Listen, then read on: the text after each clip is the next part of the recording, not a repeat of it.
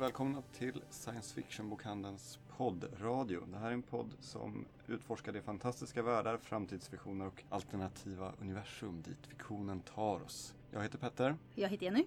Och jag heter Lina.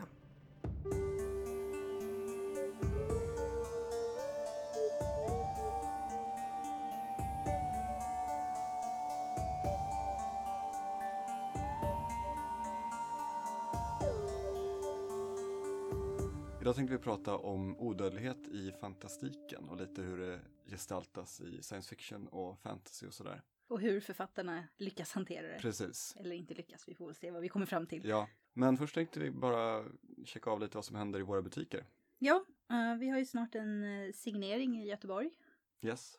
Den 31 augusti kommer Peter Erik Duvitz och signerar sin bok Vinterdöda ting. Uh, och här i Stockholm så har vi en panel i och med att uh, Margaret Atwood kommer göra en liveintervju 10 september så kommer vi ha en paneldiskussion om hennes uh, Gileads döttrar här på bokhandeln. Yes, då har vi paneldiskussionen här på bokhandeln och intervjun visas på Biorio. Ja, och det är alltså uppföljaren till Handmaid's Tale. Yes. För den som har missat det. Det kommer också Precis. vara eh, event och grejer i de andra butikerna. Men det kommer finnas mer information om det på vår Facebook-sida. Det blir Mm. en riktig Atwood-fest. Ja, Jag ser fram emot det. Apropå fest kanske, jag vet inte vad vi ska säga, men eh, Witcher har ju fått väldigt mycket uppmärksamhet på sista tiden. För det är Inte tydligen... bara positivt. Nej, inte bara positivt. Nej, men det ska tydligen vara nya Game of Thrones. mm. Ja. Jag säger kanske inte. Även om man tycker den är jättebra så tänker jag att den kanske inte är så lik Game of Thrones just. nej men det känns väl som att det är så här typiskt slänga på en titel som folk känner, känner till. Alltså grejen är, de har ju faktiskt en gång i tiden gjort en tv-serie av Witcher, en polsk sådan. Mhm. Eh, Jag har f- de. fasthåller, jag vidhåller att Witcher ska avnjutas på polska. Annars är det inget mer. Jag har aldrig kan- försökt och jag kan säga jag njöt inte av de avsnitten jag såg av den serien. Det var för det. Men det kanske inte var för att den var på polska. Nej, det var inte, det var inte polskan som var det avgörande i, i vad jag tyckte om, om, om den serien. Eh, jag vet faktiskt inte ens om den var populär i Polen, kan tilläggas. Jag har ingen aning. Jag har bara sett delar av det, finns lite på Youtube. Ja. Men jag, jag är inte jättepepp inför eh, den här. Jag kommer ju se den, det kommer jag. Men eh, jag är inte, för, jag är försiktigt positiv till Handmaid's Tale. Eh, fortsättning så att säga. Men, eh, men jag är ändå mer positiv till den än till Witcher. Mm. Ja, vi har ju passat på, jag menar, om man inte är så pepp på tv-serien så finns ju faktiskt böckerna. Och de kan man vara positiv till. Ja, och vi har passat på att köpa in ett helt berg av böcker Mm. som nu finns i vår butik. Så det är bara att komma dit och, och läsa dem om man vill ha en, eh, en annan upplevelse än tv-serien. Hur är det med serien? Jag har inte läst, jag har spelat två av spelen. Jag har inte läst böckerna. Är det, är det någon kronologi som man måste följa eller är de fristående? Nej, eh, det finns ju en serie och första delen i serien är ju Blood of Elves. Men jag brukar rekommendera att man åtminstone läser The Last Wish innan. Jag läste The Last Wish innan jag läste själva serien. Eh, sort of... Eh, Mm, jag kommer inte ihåg vad den heter, men det finns en annan eh, novellsamling också. Och numera så säger de att den ska man gärna också läsa innan serien. Och det är, The Last Wish är också en, eh, En- en novellsamling, eller Ja, hur? typ en novellsamling. Och den, den är också när har man bara spelat spelen så är den ganska rolig att läsa för man får läsa om, om alla de här personerna som dyker upp i spelen. Mm. Dandelion och de Mm. här, hur han träffade dem. Så det är lite det den Ah, handlar om. nice. Samt är ju det hela hans historia med The, The Last Wish. Den är ju, just den händelsen eh, nämns ju mer än nämns i tredje spelet. Ja. Alltså just när han och... Gud, så länge sedan jag spelade där. Ja. Det innan jag ens var det minsta böcker. Jag visste att det fanns böcker men jag hade liksom ingen Mm. koll på dem mer än att det fanns böcker. Liksom. Mm. Nej men de är, de är väl värda att läsa. Ja, Ja, och om man inte som sagt är så sugen på det välpolerade Hollywood-versionen. Eller ja, Netflix är väl inte Hollywood, men jag tänker... Jag skulle Jo. säga att jag skulle säga att det är... Det, det, det är lite, Det säga? finns ju lokala, Mm. om man säger så. Eller, eller, Det är samma estetik. Ja, det kan man säga. I alla fall eh, Witcher ser ut att vara det. Så, så jag håller till böckerna. Ja, Ja, Jag tänker ge den en chans. ja men Eh, jag, jag tänker försöka avsnitt. vara öppen för att alltid det göra. kan vara bra och inte vara alltför negativ. Mm. Jag hoppas de har fixat hans peruk. Henry Cavill är ju bra skådis annars. Ja, jag tycker Men till ja. exempel i Tudors tyckte jag han var fantastisk. Så att, eh, jag, jag var inte helt negativ till hans Superman heller. Kan- Det var jag. Ja, Eller det Men- kanske inte var hans fel. men det jag, kanske var nej, men jag, jag tror att jag, och- jag gick in när jag såg Superman och tänkte det här kommer vara skit. Och då Mm. blir man lite positivt överraskad. vilket fall. Anyways. Då kanske vi ska gå vidare till att prata om odödlighet i fantastik. ja, en, enkelt. en uh, liten segway där. Alltså Ja. bara från Stålmannen till odödlighet. Ja, det är väl lite relevant kanske. Vi kan ju ta och ställa oss första frågan då. Hur skrivs odödlighet i fantastik? På vilka sätt brukar man skriva den? Tänk att det finns eh, åtminstone tre varianter och det är väl eh, eh, biologiskt, magiskt och eh, eh, Maskinellt. teknologiskt. Teknologiskt maskinellt. Eh, ja, det är väl de tre grova dragen och sen finns det ju helt klart underkategorier samt vissa saker man behöver diskutera vilken kategori det är. Ja. Men- ja, ja, vi kan ju börja med att ta lite exempel för att klargöra lite vad vi, Precis. vi pratar om här. lite... Biologi tycker jag, det är väl det lättaste, det är ju de magiska raserna. Alver när de är odödliga, de är inte det i alla versioner av fantasy. Nej. Men eh, De lever i väl många. fruktansvärt Ja, länge i precis. ungefär. Ja. eh, Nej, det gör de inte heller när jag tänker efter. inte alltid, inte alltid. nej, det är inte alltid nej. Eh, Men, jag tänker eh, på Catherine Carrs uh, Devery-serie. Där är det ju lite annorlunda för att de har ju haft en högkultur när de också var mer långlivade. Och sen har de på något vis fallit ifrån den. det, det är en ganska vanlig approach för det, nu är vi ju utanför böcker och inne i tv-spel. Jag vet inte varför jag alltid hamnar på tv-spel när jag sitter här. Eh, Tv-spel gör väldigt mycket Jag intressanta saker. Ja, men, men där är det ju liknande i Dragon Age. Att alverna har haft en hög Mm. kultur och jag tror att det var så att de då också levde väldigt länge och numera har de tappat magin i princip nästan beskrivs det som Mm. tror jag. Så att nu, nu är det nog. Det är inte så vanligt det här att magin har försvunnit. Eh, Jag tänker på Shadowrun som från början var ett, ett, eh, ett sånt här bordsrollspel. Mm. Men som jag upptäckte genom att spela tv-spelet som kom till Super NES Ja, just det. på sin tid. Som dessutom var översatt till svenska på ett alldeles fantastiskt sätt. Var det? Ja, det hade jag ingen aning. det är helt underbart. Jag har ju kvar det så att Ja. eh, får komma förbi och testa det. Ja, Det är ju en värld där, det är vår värld, där premissen är att eh, när Maya-kalendern når sitt slut då, vilket var 2011, 2012, 2012. 2012 så vaknar eh, draken som ligger och sover under berget Fuji i Japan. Äh. Plus lite andra drakar och eh, de magiska raserna börjar födas igen i världen. Alver, dvärgar, orker, troll. Det är inte bara det att de magiska raserna kommer tillbaka utan människor börjar föda barn som är alver, eh, dvärgar, orker, troll och så vidare. och så vidare. Men eh, i det här universumet så finns det både alver som alltid har funnits men de har levt i det fördolda och de har långa liv. Men alver som är födda av människor verkar inte ha det eller verkar ha... Vi har besudlat dem. Ja, kanske det. det när, man diskuterar, Biologin. när man diskuterar biologin så Ja. är det ju också just vad man får ju skillnad på odödliga och odöda. Ja. Mm, alltså om precis. man tänker att biologiskt, i, i många fall så beskrivs ju till exempel vampyrism som ett biologiskt. ehm, Mm.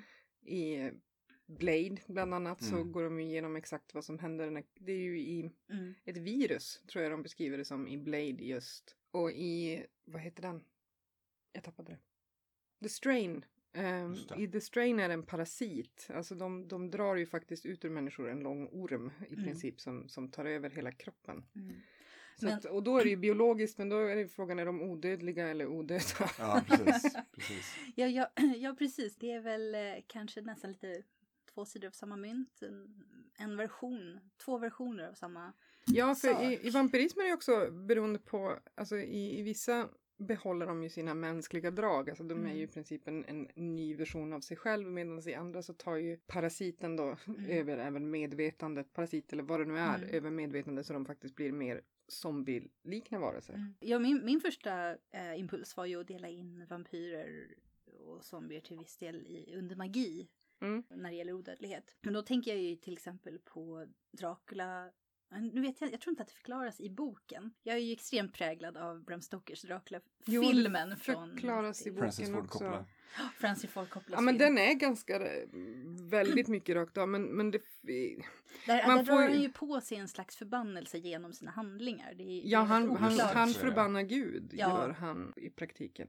Mm. och det är, Eh, Men det är väldigt klargjort i, i filmen att det är det Ja, som men händer. sk- skillnaden är ju också att i boken är ju ingenting ur Draculas perspektiv. Boken är ju i princip en samling anteckningar från... Ja, det är ju en brevroman, eller hur? Ja, dels brevroman och sen är det ju han eh, läkarens anteckningar. Mm. Det är ju... Ja, och Minas dagbok och sådär. Ja, Mm. Men, så det, men jag tror det, de brukar kallas för brevromaner ändå, Ja. fast det är Ja, jo, men- men den är ju mer så. Manuskriptroman kanske, samma. Så där är det ju en hel del teorier kring varför det Mm. blev som det blev. Men det har ju med hon, hans fru att göra. Men också Anne Rice vampyrer. Eh, där kommer ju vampyrismen från en demon. Nu ska vi se om jag kommer ihåg det här rätt.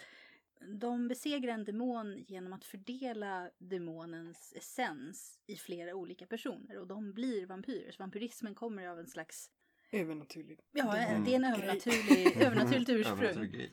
Ja. Men jag tror att det där är ganska symptomatiskt också. Att, att många av de här sakerna kommer upp ur folktro om, om man tänker demoner eller, eller eh, vampyrer eller varulvar Mm. eller whatever. Och sen när man kommer in i våra högteknologiska på något sätt samhälle så vill man gärna förklara det biologiskt. Mm. Och då har, då har det Mm. kommit de, när man vill, vad, vad kan det bero på rent tekniskt att man blir vampyr? Ja men Mm. virus, inte vet jag. Men, Mm. Men när alltså, man kommer till en viss eh, punkt också så börjar man ju tänka sig, men vad är magi då? Inte magi ändå bara en slags eh, fysisk, alltså är det Teknik. helt enkelt fysik som vi ännu inte förstår? Ja, så jag, jag tror, jag tror att det, det är nog ofta det som händer. Att det, det, Mm. det var magi och sen blev det biologiskt Mm. eller teknologiskt. Mm. Vilket som. Ja, det blir liksom som en enkel, magi är ju som en enkel grej, författarknep man kan ta till bara för att Mm. så här, jag Mm. orkar inte förklara det här. Det är magi. Ja, men även om man har en, en, en lång förklaring. Jag Mm. tänker på um, The Deathgate Cycle, Margaret Wise, Tracy Hickman. De har ju ett långt, långt appendix när de förklarar hur deras magi fungerar. Det är ju helt enkelt att de som kan utföra de här sakerna, de gör vissa rörelser, säger vissa ord för att få en viss eh, reaktion. Och det, det som händer är ju att de, med de här rörelserna, orden och, och tecknen, de påverkar världen omkring sig på ett sätt. Det är lite som, eh, det är inte lika invecklat beskrivet, men i Star Wars med kraften. Mm. Att det är ju någonting som existerar. Ja, där har man ju, alltså även, även inom det som ändå fortfarande kallas, som du säger, det som kallas ren magi så finns det en, ett behov att förklara. Alltså Brandon Sanderson är väl ett, ett exempel på det där det, man har vissa magiska krafter, push and pull and jump och vad det nu är. Och, och man gör det genom att bränna mineraler i kroppen. Och så för att bli starkare så sväljer de i små bitar av olika Mm. mineraler beroende på vad de vill göra. Mm. Vissa kan bara använda två av krafterna och några få utvalda kan använda alla. Men i praktiken går de ju att svälja små metallbitar som de bränner för att kunna använda de här krafterna. Alltså det- även inom den renodlade magin så finns det något slags behov av att vetenskapligt förklara den på ett annat sätt. Just Mm. det. Men det är också bra för att, alltså jag tänker, det är också väl någonting som har kommit med senare år att, att för, för att sätta lite gränser, alltså för att skapa någon sorts spänning i, en- i en, en roman så måste man ju kunna sätta ner någonting så att det fungerar så här men inte så här. Mm. Eh, Ja, att det är balanserat. Ja. Alltså det, det... Annars blir det ju så här, då kan man bara hitta på vad som helst. Ja, Och sen så Och det, alla de här grejerna utvecklas ju. Jag, jag är inte jätteförtjust i fenomen. För zombies är väl det jag tycker är minst intressant. Nej men där, där är ju en del av premissen hela tiden varit att man blir en zombie. Och förklaringen av en zombie är att man är i princip en kropp som går och agerar på instinkt. Det vill säga feed brains generellt. Precis. eller liksom någonstans, alltså man blir ju ett, ett, ett, ett monster, ett, renodlat monster. Och även där har de ju bara talla med den här jag, jag vägrar läsa den i ren protest. Jag tyckte det räckte med att de gjorde vampyrer sexiga. eh, vad heter den? Varma kroppar. Ja, Ja. warm bodies. Just det. Eh, till, och med, till och med zombies har de nu fått till någonting mänskligt och det tycker jag var själva poängen med zombies, att de inte Ja. var det. Ja, men det var väl också Twilight, uh, hela Twilight-grejen, att man bara behöll det som var lite nice med vampyrer och sen så bara struntade man i alla andra regler som... Jag läste faktiskt Varma kroppar. Ja. Jag har hört att det Eh. faktiskt är bra och att jag är bara Jag tror fördomsfull. jag gillade filmen, Eh, nu var det väldigt, väldigt länge sedan jag såg Jag har den. inte sett filmen men jag blev Ja. lite sugen faktiskt på den för jag hade Mm. boken. Jag tyckte boken jag tyckte boken var bra. Jag, jag tyckte slutet var lite för sentimentalt. Men han är väl Mm, amerikan som har skrivit den, jag vet inte. Jag tycker de ofta brukar vara lite sentimentala, men eh, det är kanske en smakfråga. Men eh, Jag för bortsett de- från Margaret Atwood, men jag kom på att hon är kanadensare. Så Ja. förklara den saken. Amerikan. Nej men eh, jag, jag tyckte väl att förklaringen till var zombierna kom ifrån var lite så här, mm, kanske lite för mycket magisk, inte magisk realism, men lite så här magiskt tänkande. Men i, i zombiefiktionen. Men alltså, budskapet var väl bra. Jag tyckte det var lite att skriva en på näsan. Ja. Det kunde gjorts Men just att romantisera zombies, även, även den här Ice Zombie, där jag vill minnas att förklaringen är någon typ av, jag vet inte om någon annan har sett den. Jag tror att Nej. det är en comic från början också. Eh, Jag har för mig, jag har sett typ några avsnitt och jag för mig att förklaringen där är att det kommer från någon typ av drog, alltså knark som Mhm. gör folk till någon typ av zombies. Eh, Men även där huvudpersonen då är ju, tror hon är patolog eller blir patolog för att ha tillgång till hjärnan, något av de här med hjärnor. Bekvämt. Eh, men, men där, hon behåller ju sitt, sitt medvetande. Det, det är för övrigt en rolig serie, den är faktiskt värd att se. Men... Jag, jag skulle vilja ställa frågan om en zombie, alltså zombier som har sin tankeförmåga i behåll, är de verkligen zombier? Är det är de inte helt steg där ja. Mm. ja, det är ju nästa. Jag tänker ju, zombier är ju mer som, alltså det, det känns ju mer som en maskin som har fått något fel Ja. och inte kan sluta göra det den gör oavsett eh, liksom Mm. konsekvenserna. Men en, en odöd som är, fortfarande är sig själv eller har sinnet i behåll, är inte det snarare en, en gengångare eller en gangster? Ja, alltså har man eller en zombie med medvetande. bara? Ja, har man en zombie med medvetande som då behöver eh, någon del av levande människor. I, I det här fallet behöver hon inte levande människor, hon äter ju döda. Alltså hon jobbar ju som Ja, hon jobbar på ett bårhus, Ja, så? precis. Ja. Så då, då får hon ju äta gärna. Då är de ju i praktiken en typ av vampyr. Alltså Ja. det är en ganska hårfin skillnad mellan Precis. vampyrer och zombies Ja. då. Eh, Och det är fortfarande, jag kommer inte Skillnaden ihåg hur mycket väl- de förklarar biologiskt vad som har hänt med henne och inte. Nej. Men En skillnad brukar väl vara att zombier, även de med medvetande då, om man nu ska kalla dem zombier, de, de ruttnar bort medan vampyrer torkar ut. Men det är kanske en hårfin skillnad, när de Ja. inte får det de jag, behöver jag kommer det. inte ihåg vad som händer när hon inte äter ihjäl För jag Nej. tror... Zombier ruttnar, ruttnar väl alltså bara Ändå. över, överlag liksom. Alltså det är en kropp som Det är ju he- i hela den liksom. här eh, 28 dagar senare Ja. och den så är ju det själva, när de inte längre får tillgång, de väntar ju i princip ut. Då i början är det, det visar ju sig sen att det är väldigt begränsat till bara Storbritannien, Mm. den ön. Mm. Och det enda de gör är bara stänga av den och vänta i typ två månader tills de... Ja, fördelen det händer på en ö liksom. Ja. Precis. Ja, sen gick det som det gick där. Det är ju inget bra alls. Nej. Men, men, eh, men alltså det är det de gör i praktiken. De väntar bara ut att alla Mm. zombies ska ruttna bort. Svälta. Ja. Ja. Nej, Men jag tänker också, slog mig nu på, på det här med det zombies och medvetande. Om man tar typ i Day of the Dead så finns det, nu glömt bort vad den zombien heter. Men de har ju en zombie i källaren där som de typ tränar. Ja, Och som blir liksom tam, eller vad man ska säga. Ja. Alltså, och det finns väl även den här Fido med, Det gör de väl i Resident Evil också. Försöker ja, träna det finns upp flera. någon slags Och sen finns det ju någon med Arnold. Schwarzenegger som jag glömt bort, när hans dotter är en zombie. Men Romero han försöker ju, alltså han har ju budskap i sina filmer. Eh, och eh, vilken av dem är det? Är det Day of the Day Dead? of the Dead. Ja. Mm. Så ja, själva poängen är ju att zombierna har liksom rester kvar av sitt mänskliga medvetande. De utför liksom uppgifter som de har gjort i livet. Mm. Liksom har man jobbat på, en, jag tror att det är några som har jobbat på en bensinmack och tankar bilar liksom. De fortsätter göra de där rörelserna. där kommer, alltså det är ganska ofta, det är inte, vi är ju liksom långt ifrån de första som gör den här liknelsen mellan zombies och vampyrer. För i The Strain så är också vampyrerna, den, det finns olika grader av, av hur avancerade de är. Men, men de ursprungliga vampyrerna är i praktiken en typ av zombie. Alltså de enklaste typerna Mm. är i praktiken en, Mm. en typ av zombies. Men de håller kvar vissa det är nästintill ett muskelminne. De går gärna hem till sitt hus och det här förklaras också av att parasiten vill behålla dem för då går de till områden där det Mm. finns andra människor. Mm. Alltså de Mm. behåller de här instinkterna av att hålla sig kring sitt hem, att söka Mm. sig till sina nära och kära för det är ett sätt att sprida det liksom. Mm. Men Jag de är mer zombies än vampyrer på det sättet. Alltså, Ja, jag, alltså jag känner att vi måste nämna Mats Strandbergs Färjan här i sammanhanget. Mm. Inte jag heller. Den har jag inte läst. Eh, varmt rekommenderad. Ja. Ja, Eh, jag har förstått det. nu kommer jag avslöja allting som händer i den, så alla som Mm. inte har läst den kanske ska... Hoppa över lite här. Nej, men jag, jag, mm, alla vet ju, ni vet ungefär vad den handlar om. Ja, jag, en ja, färja. ja, ja. Jag ska inte avslöja vad som händer i Nej. slutet, utan bara själva premissen. Det är ju det här, eh, det, det finns en vampyr på den här färjan. Just det. Ja. Och eh, eh, den kan inte behärska sig utan biter en människa. Och eh, den smittan sprids mer som ett zombievirus än vad vi tänker på som vampyrism. Och eh, det är en väldigt originell och bra skriven version som både tror jag kan tilltala vampyrfans och zombiefans. Mm. Framförallt om man gillar monströsa vampyrer. Inte den romantiska sorten. Nej. Då, då ska man inte läsa den boken. Liksom när de är monster bara. Det här är ju en liksom. skräckbok. Ja. Ja. Mm. Jag ska vi inte säga så mycket mer då, men eh, jag, jag tyckte väldigt mycket om hur han hade gjort det och det, det är inte riktigt som jag har sett det gjort förut heller. Nej, det är en fantastisk miljö. Alltså Ja. jag älskar att den är placerad på en finlandsfärja. Liksom. Ja. Det är ju... Ja, och det, det, är så, det är så bra skrivet för att man har träffat alla de här personerna som det handlar Mm. om. Man känner igen dem från olika, i alla fall om man någon gång har varit på en finlandsfärja. Ja. Eller, alltså jag, jag känner lite... Alltså det är ju en skräckroman i sig.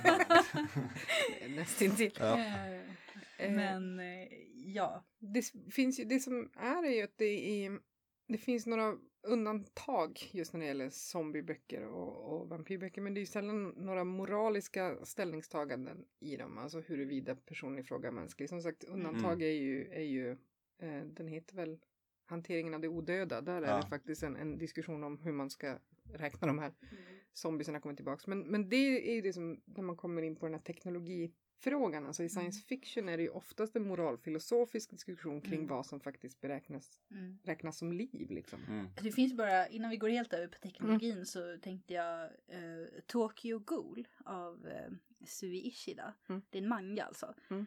Den handlar ju, de- de är ju inte zombier men de äter ju lik. Minns inte om det framgår hur långlivade de faktiskt är. Men de är ju inte människor. De är väldigt klart och tydligt inte människor. Och de har Alltså det är mer som en annan, eh, det, korsar lite över till det här magiska varelser som alver och sådana fast de är liksom också en version på För det, det är ju egentligen den stora skillnaden mellan odödliga och odöda så att säga. Ja. Odöda kan väl bli odödliga om de har tillgång till de Mm. sakerna. Alltså man Mm. tänker vampyrer eller zombies. Om zombies då får det de behöver eller Mm. vampyrer får det de behöver så kan de ju i teorin. Zombies är jag tveksam till faktiskt för jag tror ju att de till slut faller sönder. Det var ju en av eh, Just Romeros, eh, han som gjorde or- ordinarie liksom Day of the Dead och Dawn Mm. of the Dead. Det var ju hans stora protest mot just 28 dagar senare och den nya versionen av Dawn of the Dead. Att zombies kan inte springa så fort för då går kroppen sönder. Ja, alltså de, Ja. de har inte de fysiska förutsättningarna att röra sig fort. Nej. Det finns ju några versioner dock som har gått in, som har tänkt på det här. Och det korsar ju också lite över till magin liksom. Det, det är någonting som håller ihop kroppen och någonting som gör så att den inte ruttnar bort. Mm. Eh, någonting övernaturligt. Eh, man kan ju också göra det till någonting biologiskt, någonting eh, att kroppen tas över av någon annan slags livskraft än den mänskliga. Ja, där är ju också skillnaden. Jag tror inte att i Dawn of the Dead eller Day of the Dead att det finns någon förklaring till. Alltså det är ju, de, de inleder väl med eh, just den här, alltså att himlen, det bibliska, att himlen Ja, öppnar sig och de döda kommer om man har vandra. någonting på radio. Alltså Night of the Living Dead är ju den första. Det första, ja. Ja. Och det är väl bara att de träffar, de- är ju på kyrkogården där i början. Och sen Ja. så dyker det bara upp Mm. Ja, zombie. precis. Det finns inte någon. Nej, Medan i med, liksom. 28 dagar senare är det ju igen ett virus. Det Mm. verkar vara väldigt apor. bekvämt. Ja, de har skapat ett virus Mm. som är rage bara. Mm. Och det är ju att den slår ut alla funktioner i hjärnan utom ilska och Ja. behovet att fortsätta leva. Ja, Alltså, definitivt. ja. Ja, för de är ju inte döda, eller hur? I 28 dagar Mm, Nej, det är ett virus. Mm. Mm. Det krävs ju mer åt att ta ihjäl dem. De Mm. behöver väl i vanlig ordning skjuta Ja, bort tänk- hjärnstammen. Ja, och det känns ju lite likt också Max Brooks ehm, World War Z. eh, World War Z, eller Z kanske det heter det. Mm. Och där, ja, den och sen är det ju också... Världskrig Z. Mm. Eller om man tänker Resident Evil, nu är vi inne på spel igen, eh, Mm. som Ja. även är filmer. Men, men där är det ju också ett virus som egentligen är skapat för att få um, döda celler till liv. Alltså jag tror att, Mm. att det ursprungligen var en man som skapade för att få hans rullstolsbundna dotter att kunna Precis, gå. Mm. exakt. Så där är det ju att den upprätthåller de som redan är döda. Men den tar ju över, den tar död på och tar över samtidigt. Det är Mm. jättemärkligt. Mm. Det finns en lång teknisk förklaring till det här helt enkelt. Ja, man Magic. får sätta sig, se alla filmer och spela alla spel, sen vet Ja, man. kanske inte se alla filmer. De är Nej. Inte. Men, Så pratar vi lite om odödlighet i form av teknologi då. Ja, Ja. jag har ju faktiskt, eh, i, eftersom vi skulle göra den här så gick jag genast och, och köpte en av våra böcker som har kommit ut ganska nytt. Nyss en svensk författare som heter Sam Ghazi, jag tänker inte svara på att jag uttalar det här rätt, eh, som för övrigt också är patolog, när vi nu har varit inne på det här, kan vara därför jag använder ordet patolog, eh, oavsett vad hon nu var i den här iZombie, eh, som heter Teonauterna. jag rekommenderar den, den var riktigt nice. Men där handlar det just om två astronauter eller teonauter som ska åka till någonting som de tror kan vara något gudomligt långt bort. Så de ska Vad göra. är en teonaut? Ja, det är nog samma sak som att vi använder, det finns astronaut, Mm, eh, eh, kosmonaut, alltså de använder, beroende på vilket land man kommer ifrån, Ja. så finns det olika ord för det. Jag kommer inte ihåg vad de i Kina heter, om någon kan. För astronaut är amerikanska, Kosmonaut. kosmonaut är ryska yes. eller sovjetiska. Mm. Så teonaut är något annat, det här är framtiden. Jag vet inte Mm. vilket land de är ifrån. Det är Eh, framtiden. Framtiden. Ja, det är det. Och de ska Ja. åka en sju år, ligger de i dvala. En man och en kvinna. Adam heter hon, Jasmin, eller Adam heter han, Jasmin heter kvinnan. Och eh, när han vaknar ur sin dvala sju år senare, när de börjar komma fram, så inser han att hennes eh, kapsel har brunnit. Mm. Eh, tydligen finns det någon fail-safe där för att de ska kunna använda sig av hennes medvetande så att när kapseln attackeras, det första den gör är att dekapitera personen i så att hennes huvud är bevarat och då ska han då få fram hennes medvetande. Det här är någonting som tydligen görs. De kallar dem spöken i princip eller fantomer. Så med hjälp av en, en väldigt avancerad AI så ska återskapas hennes medvetande. Eh, Det är inte hennes medvetande utan det är kvalificerade gissningar från en AI av, baserat på hennes nervbanor och hennes personlighet hur hon Mm. skulle reagera. Men det blir i princip en... Den påminner mycket om en levande själ. Jag vet inte om jag är den enda som fullkomligen älskar PC Jersilds En levande själ som är en hjärna i en, en, ett akvarium. Och så får man följa den här hjärnans, eh, när den sitter och tittar i det här labbet och reagerar på saker. Det är bara dens tankar när den sitter i Jaha, den. hela den är, boken? Ja, Wow. den är fullkomligt, den är, jag vet inte, den är nog från 70 eller 80-talet tror jag. Det låter som om den är från 70-talet. Eh, Eh, och jag skulle gärna läsa den. Den är Mm. Magnifik. Eh. PC Jersilds En levande själ är sånt där som man bör ha läst. Mm. Och den här är lite samma sak för att eh, han återskapar hennes medvetande efter vissa ångestattacker där han fyller sig själv med knark och ligger i en pool och grejer. Eh, det är väldigt bra. Ja. Så, eh, Hela den här resan visar sig väldigt snabbt. Det här är liksom ingen, den hoppar, det är en bruten tidslinje så den hoppar mellan dåtid, det som hände då och nutid. Typ. Eh, det hela var väldigt misslyckat. Det, han hittade inte Gud och hela den här övermänskligheten så han kommer tillbaka med hennes medvetande i, det, jag fattar det som att det är typ ett smycke. Eh, och så, så, så blir det den här diskussionen när han kommer tillbaks. Hon är ju död, alltså hennes kropp är ju borta men hennes medvetande finns kvar och hennes familj tycker ju inte riktigt att det är motsvarande vad hon är och han behåller henne lite i hemlighet och så får man det finns några tillbaka, liksom nutid är i princip när han har satt upp henne i sin lägenhet med små ögon då som är kameror, hur hon följer honom och de diskuterar och har någon konstig relation liksom. Så det, det är just vad, för, för hennes familj är hon ju död och hon själv, för man får följa med, det är både hans perspektiv och hennes perspektiv eller dens perspektiv. Det påminner väldigt mycket om det avsnittet, um, var det förra Doctor Who julspecialen? Eh, som heter Twice upon a time. När eh, tolfte doktorn som inte vill regenerera och träffar på av en slump eh, första doktorn. Mm. Jag tyckte den var väldigt bra. Men där, han, utan att avslöja för mycket då, så dyker det upp varelser som verkar vara personer som han känner men som borde vara döda. Mm. Eh, och det visar sig att det finns en organisation som sparar ner. Det här, för det här, en organisation som bildas långt, långt in i framtiden när teknologin finns. Som kan eh, resa överallt i tiden och spara ner folks samlade minnen. I... Ja, det, här är, det här är faktiskt någonting hyfsat liknande för att han, Mm. han, Adam påpekar ganska tidigt i boken just att, att eh, han har jobbat med fantomer eller spöken tidigare. Det har Mm. varit liksom ah, väldigt framstående forskare har de gjort Mm. det här med så att de kan fortsätta samarbeta med dem eller Mm. återkoppla till deras samlade kunskap helt enkelt i, i forskningssyfte. Så att det Mm. finns någon typ av arkiv om jag för, kommer ihåg och förstår det här rätt. Det här liksom. är ju ett slags arkiv. Ja, liksom. och där de, kan här ju... finns. Liksom. Mm. Och de kan uppenbara sig som fysiska personer också genom Ja, men- den, den delen har inte kommit för det, finns, det är ju inte en AI eller ett, ett em, för det finns ju den typen av science fiction Mm. finns ju, finns väldigt, väldigt bra rollspel som heter Eclipse Face som, som går ut på just det att man har sin, sitt minne eller sitt medvetande sparat på en hårddisk och Mm. sen så kan man flytta över det till en annan kropp när det behövs. Om man dör är inte det hela världen, man bara tar sin senaste nedsparade hårddisk. Mm. Eh, Altered Carbon det. är ju samma princip. Där finns det ju restriktioner. I, i Cliffs Face gör det inte det. Man kan i teorin då vara en, en schimpans till exempel. och liksom bara, de flyttar in medvetandet i den närmsta tillgängliga kroppen. Och diskussionen i det här avsnittet blir ju då, Mm. För doktorn säger så här, du är inte min vän, du är bara en samling minnen. Mm. Och eh, personen svarar då, men vad är en person om inte en samling minnen? Ja, för Mm, det, det precis. här är ju den, det, det som blir roligt i den här är just Jasmins egna existentiella Mm. kriser i det här.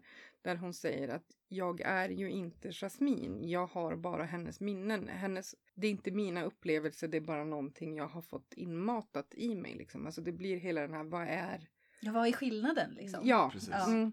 Så den, ja, som sagt, Sam Gazi Te, Teonauterna heter den. den är, jag rekommenderar den. Och Ja. den, den Vem tar är det som har skrivit den nu? Sam Gazi, G-H-A-Z-I. Så jag som sagt tänker inte eh, hävda att jag uttalar stackars personens namn rätt. Nej, men nu Eh, har vi i alla fall bokstaverat. Ja.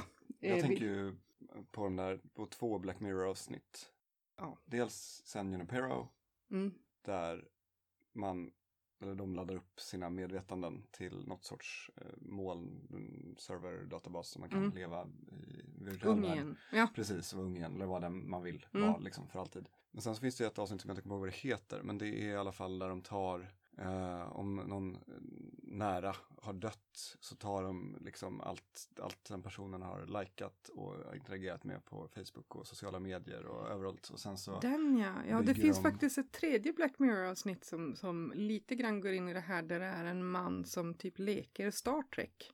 ja just det, När han också. tar deras Ja, DNA och skapar någon Ja. typ av, jag vet inte om det är kloner, jag tror fortfarande det är en databas. Är det? Ja, det är ja. fortfarande en databas men han har, han har skapat i praktiken kloner med hjälp av personer på sitt kontors DNA och hur de försöker revoltera i Mm. Ja. princip. Så det, det är också, de är ju fortfarande sig själv. Precis, men de är ju, där är ju också en odödlighet. Som, Ja, liksom, För att de finns ju fortfarande kvar utanför på hans kontor. Alltså Ja. den är också... fullt medvetna eller liksom Ja. som om de skulle vara liksom, den, Mm. den fysiska personen fast i, i datorn, liksom, Ja. i, i, i spelet. Det är jättebra. Jag hade velat att de gjorde en hel spin-off-serie på, på det avsnittet. Det hade varit Ja, amazing. den är magnifik. Alltså, det- men Black Mirror har ju också just använt eh, både, både skräck, fantasy och science fiction på ett sätt att ha de här diskussionerna. Vad är moraliskt eh, korrekt? Alltså vad, vad, vad räknas som liv? Eh, för det här är ju två väldigt gamla kvinnor som, som träffas i den här 80-talsversionen som sig själv som unga.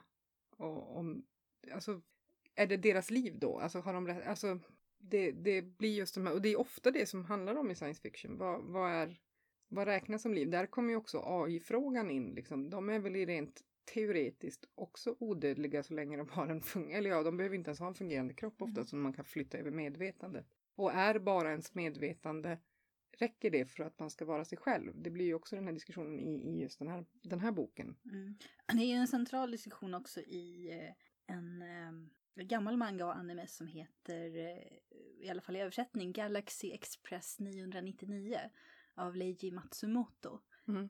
Eh, Det handlar alltså om en ung pojke som lever i en värld där de rika och inflytelserika i stort sett alltid byter ut sina kroppar mot eh, mekaniska kroppar. Ja, det är ju Altered Carbon också. Och eh, det är extremt tragiskt men jag Mm. älskade den som typ tioåring. Men där, huvudpersonen då, han är kanske 10-12 år och han ger sig ut då tillsammans med en beskydderska för att ta sig till en legendarisk planet där man kan få en mekanisk kropp gratis, bara man lyckas ta sig dit. Det har ju blivit ett extremt klassamhälle och de jagar biologiska människor. Ofta de, de riktigt mäktiga. Det här är en hertig då. Han dödar huvudpersonens mamma eh, och eh, stoppar upp henne och hänger henne på väggen. Helt enkelt. Charmigt. Ja. Tetsuro då som är huvudpersonen, han vill ta sig till den här planeten och på vägen dit då så handlar det om alla olika människor som han möter och liksom frågan är vad är det som är mänskligt liksom? Vad, vad, förlorar man någonting om man förflyttar sitt med, medvetande till en Det eh, där är ju också i viss mån diskussionen i Altered Carbon. Eh, för där, där har man ju någon typ av försäkring. De riktigt fattiga får ju det finns, eh, det tror jag är tv-serie, jag blandar ihop tv-serien och boken nu, men det finns eh, något exempel i, jag tror att det är tv-serien när, eh, när han kommer ut hans är ju ett, ett gammalt medvetande som de plockar upp igen för att eh, de här terror, liksom bekämpa terrorism. Det är en väldigt rik man. Han har blivit dödad, Mm. fast det är då hans kropp som har blivit dödad och han vill veta vad som har hänt mellan att han gjorde sin sista liksom, säkerhetskopia och att han blir dödad. Var, liksom varför? Eh, han har så många kroppar så det var inte hela världen så. Men, men det har hänt någonting i de där timmarna som saknas och han vill att den här personen ska komma tillbaka och göra det. Eh, när han kommer ut från, från sjukhuset i alla fall så står en familj och väntar på det som är deras sexåriga dotter och det kommer en gammal kvinna. För att om man inte är tillräckligt rik så får man inte välja vilken kropp man försäkringen täcker så att säga. Ah. Så det blir den frågan. Men sen är det också en fråga om att är det är vi fortfarande människor när vi inte dör? Det har kommit, den, den protestvågen har liksom börjat att man, man börjar skriva på papper att när jag dör så ska jag dö. Alltså Mm. jag, jag ska försvinna. Ja. Folk börjar bli less, less på att man bara kommer tillbaka och det är väldigt fattigt. Och de som är väldigt fattiga har inte samma förutsättningar till de här grejerna. Medan de rika då i praktiken bara gör kloner av sig själv i en lagom bra ålder. Och fortsätter leva för alltid Ja. i praktiken då. Det här är någonting som dyker upp väldigt mycket när det gäller att förlänga sitt liv på magiskt sätt. Eh, Det här är ju mycket, det här är ju fantasy, Mm. en- men eh, Voldemort är ju det mest kända exemplet. Mm. Eh, han vill bli odödlig och genom att utföra onaturliga handlingar så, Splittar Blir han upp sin själ? ja precis, Precis. genom att mörda liksom. Mm. Men det här dyker ju upp i andra berättelser också. Trollkarlar som har liksom förlängt sitt liv på magisk väg. Och det är alltid något som har gått fel eller som kommer gå fel. Eller De förlorar ju som- ofta en del av sin mänsklighet. Det är väl det som Mm, är det mest Ja. slående precis. i, i Voldemorts fall faktiskt. Men, Ja, men, ja. men det är ju också som du säger Det återkommande är, att det, I hans fall så är det ju också ett resultat av att han har mördat. Det är mord, Mm. morden som han gör var nog inte så trevlig redan innan. Nej. Nej, det var han ju sig inte. Men, men morden gör ju att han förlorar den mänsklighet han hade. Ja. Mm. Men det tänker jag också att det är lite intressant. För det är ju som att, eh, då, då blir det som att odödlighet är någonting som man vill sträva efter. Att det är någonting som är, som är, som är positivt liksom. Och att, eh, sådär.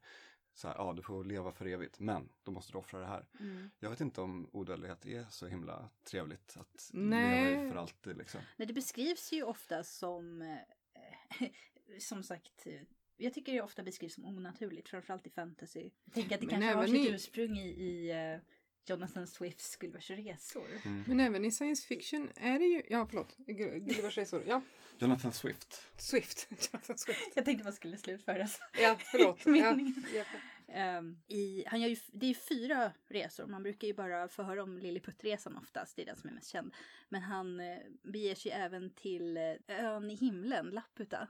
Eh, vilket alla som gillar att Studio förblanda med, Ghibli. Ja, precis. precis. Han har tagit konceptet. Ghibli, Studio Ghibli har tagit det konceptet ifrån Jonathan Swift helt enkelt. Och till och med namnet på ön. Och där bor det ju människor uppe i himlen på den här ön som är odödliga. Eh, men det är ju inte någon eftersträvansvärd odödlighet alls. Nej. De får inte förbli unga och vackra till exempel.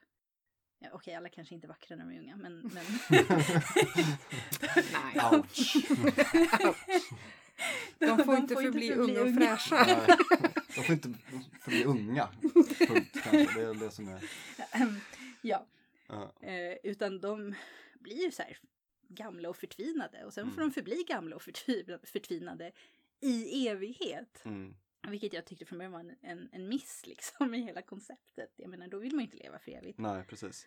Och vi pratade lite innan också om Q i Star Trek. Att det här är Ja. också lite så här, vad, vad skulle hända om man har all tid i världen? Mm. Och nu har ju han ofantligt mycket makt också. Ja. eh, Men, men han beskriver ju ofta just att förstår ni hur tråkigt det är Mm. faktiskt att leva för alltid. Vad, liksom, vad, Mm. vad ska man hitta på i flera miljoner år? Alltså, Mm, precis. Det, det jag också tänkt på är att jag tycker ofta att det beskrivs att, att lever man så länge så förlorar man en del av sin mänsklighet. I det här fallet var det att de blir gamla men... men i, i, ofta så brukar man ju också, om det bara är en bland många som blir odödlig så, Mm. så tas det ju alltid upp det att man förlorar alla som man har brytt sig om. Ja, Sen har vi det här med minne också. Som, jag har inte sett det i så många versioner. Men också från Doctor Who så har vi ju, jag ska ta upp hans version av odödlighet också. Men Mm.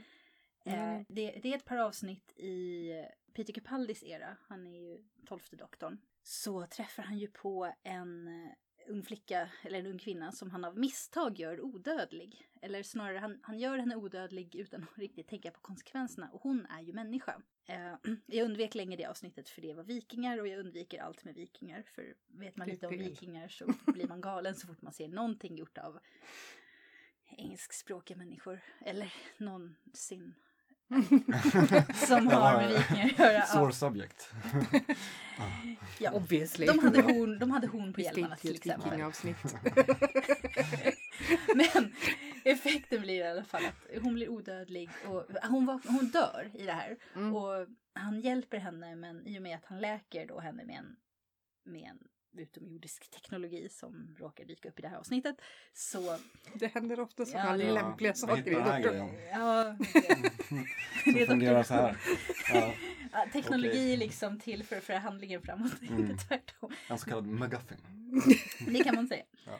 Men eh, hon, eh, ja, hon blir odödlig då, så när man möter henne långt in i framtiden så har hon hela bibliotek fulla med anteckningsböcker.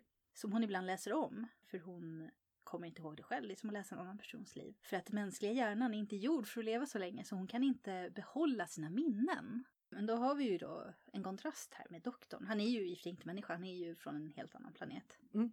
Eh, Men även i hans fall så förnyar han sig ju med jämna mellanrum. Han har ju inte ett liv, utan flera nästan. Lite som en katt. Ja, han, han är ju samma person men samtidigt inte. Hans, eh, hans sinne och, och alla tidsherrars sinne är sinnen är uppbyggda på ett sätt som gör att de kan hantera den här typen av liv. Eh, är liksom där- själva premissen. det, det, är- det är ju dels det och för att de ska också kunna hantera tidsresor. För det är inte Mm. heller någonting jag är helt Nej, övertygad om att mänskliga hjärnan kan hantera. Nej. Jag Nej. menar, det är svårt att förstå när man sitter och tittar på de här sakerna ens. Alltså, Och vi kanske ska det- ta som avslutande frågor då liksom hur, hur hanterar författare just den här tanken på odödlighet? Eh, går det att föreställa sig liksom hur en människa ska kunna hantera det här? Eller krävs det att man måste vara en annan typ av existens för att kunna hantera liksom att vara odödlig? Jag tycker ju där lite som vi pratade om med Johannes Nyholm och Leif Edlund i förra veckan, eh, när Mm. vi nämnde Måndag hela veckan. Mm. Där, För, förra veckan. För, förra veckan, Ja. sorry, sorry. Uh, förvirrande. Tid. Ehm, det var ju det där. på tal om. Eh, nej men där, där tycker jag, det känns som en väldigt så här, rimlig mänsklig reaktion. Att han bara är så här desperat och vill komma därifrån efter ett tag. Liksom. I början så är det svinnice att han bara kan leva dekadent, slänga i sig massa skräpmat och bara leva precis som man vill. Liksom. Men till slut så, så, så kommer bara depressionen och bara så här att han bara liksom inte pallar att existera. Så det tycker jag är ändå oväntat bra avbildning av hur Mm. hur jag tänker att det skulle, en människa skulle reagera på. Mm. Det är ju någonting som man säger med doktorn också, att han, han får ju ibland lite kriser i sin existens. Men det är ju ofta när det är dags att, att regenerera och, och förnya sig. det som blir är ju när man försöker tänka sig det, det blir ju så mycket större. Alltså vi kan ju tycka man, ja, man lever i flera tusen år och det låter ju jättetråkigt i längden faktiskt också. Men, men jag tror att det just är författares begräns, begränsning för att vi kan, jag tror inte vi kan föreställa oss hur det är eller Nej. vad som Nej. krävs för att man ska kunna hantera det. Mm. För det, det känns ju också otroligt orimligt ur den aspekten om man tänker då alver som lever i flera tusen år och det de har just åstadkommit är att bygga hus i träd. Det liksom det hela? Eh, men jag- Väldigt jag har- fina hus. För nu har inte jag läst Silmarillion, men eh, det framgår ju där att, att många av de alverna, eh, framförallt hans, den här släkten som tillverkar Silmarillerna, Mm. Fëanor vill jag säga att han heter. Jag kommer inte ens ihåg vad mitt barn heter ofta. Jag, är helt fel person att fråga om namn. Ehm, ehm, jag är ju inte ett enormt Tolkien-fan. Jag har mest läst diskussioner mellan andra Tolkien-fans och tyckte att det här lät ganska så intressant. Men de var... Eh, jag tänker inte läsa Silmarillion. Eh, Det är tyvärr. bra, kan tilläggas. Men Kommer ja, den utgå för den höst? Ja, alla andra får läsa den och tala om ifall jag hade rätt. Men Fëanor blev ju lite galen, men hela hans eh, grupp alver, de var uppfinnare och, och höll på med en massa, tillverkade en massa saker och hade en massa för sig. Som sen inte verkar leda någonstans, kanske framförallt för att de gick ut i en massa krig om de här juvelerna.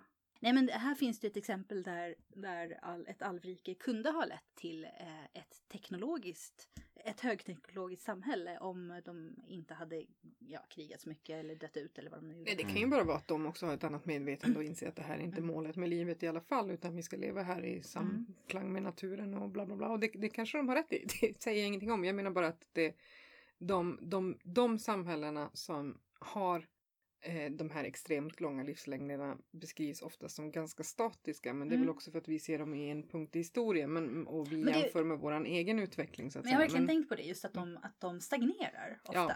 på grund av den här långa livslängden. Och att det är, det, det är där som jag tänker att eh, om man skriver en ras som är odödlig, att man måste hitta på något sätt.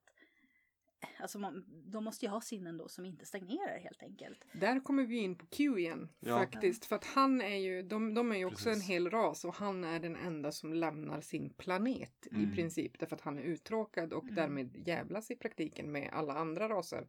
De lever ju oftast väldigt mycket för sig själv, vilket också är Mm. vad alverna gör, bara att de råkar inte ha en egen planet. Eh, även om de har det och sen åker dit. Mm. Men, Mm. men alltså det, det blir ju lite att de här li- livsformerna i den flesta litteraturen eller kulturen eller vad man ska säga, de Mm. lever väldigt mycket för sig själv. Mm. Mm, Mm. Eh, precis. blir lite det de... Och Mm. eh, det är ju inte, nu kör både doktorn och Q exempel på när det är alltså, en icke-kronologisk odödlighet um, ändå. Mm. För det är ändå någonting, alltså så här, odödlighet är ju något i grunden som bygger på att det finns någonting som heter tid liksom. Mm. Men apropå det här med eh, stagnation så tänker jag det, det som gör doktorn så annorlunda det är ju att han håller sig engagerad genom olika medel liksom och, och i, ibland så går han en lite mörkare väg men han eh, känns både ung och gammal samtidigt och vissa skådespelare spelar ju det här på olika bra sätt. Min favorit är ju Matt Smith, jag tycker han gör det på ett Mm. alldeles fantastiskt sätt. Men att de har kvar, de, även fast de är så gamla så har de kvar det här upptäckarglädjen och upplevelseglädjen Mm. av att se nya saker i universum. Universum är ju så stort så att även om man är odödlig så finns det alltid något nytt att uppleva. Mm. Och jag tror att det är där som eh, många författare har svårt att föreställa sig att man kan behålla det här i ett odödligt liv. Mm. Eller så bara struntar de i att man blir uttråkad. Och bara Fast- liksom för att... eh, Fast där finns ju en väsentlig skillnad i att han har en TARDIS. Ja. Så att han faktiskt kan åka Mm. var som helst och när som helst. Medan eh, de flesta odödligheterna beskrivs som någon stackars jäkel som faktiskt är fast på samma planet hela tiden. Mm, Eller samma område till och med. Ja, ja. Men det är själva, själva essensen i det hela. Det är att det gäller att hålla sig sysselsatt. Jag tror det faktiskt. Jag tror vi kan sammanfatta det så. Ja. Om du ska leva för evigt, håll dig sysselsatt. Bli Ja. Inte Q, orden. han är ett as. Tror jag det är dags att avsluta. Ja, Yes. vi, vi har väl inte direkt uttömt samtalsämnet Nej. Men eh, vi har kommit så långt som vi kan idag Ja, tror jag. jag tänker det också. Och om ni tycker att vi har missat någonting oerhört viktigt som vi inte har tänkt på eller om ni har andra synpunkter eller frågor så kan ni bara mejla på podd sfbok.se. Går även att höra av sig via Facebook, Japp, Instagram, japp. att sfbok heter vi där. Ja, väldigt enkelt och bra. Ja. Och alla länkar finns ju på vår hemsida som också är sfbok.se. Yes, och vi är tillbaka om två veckor igen. Hej då! Hej då! Hej då!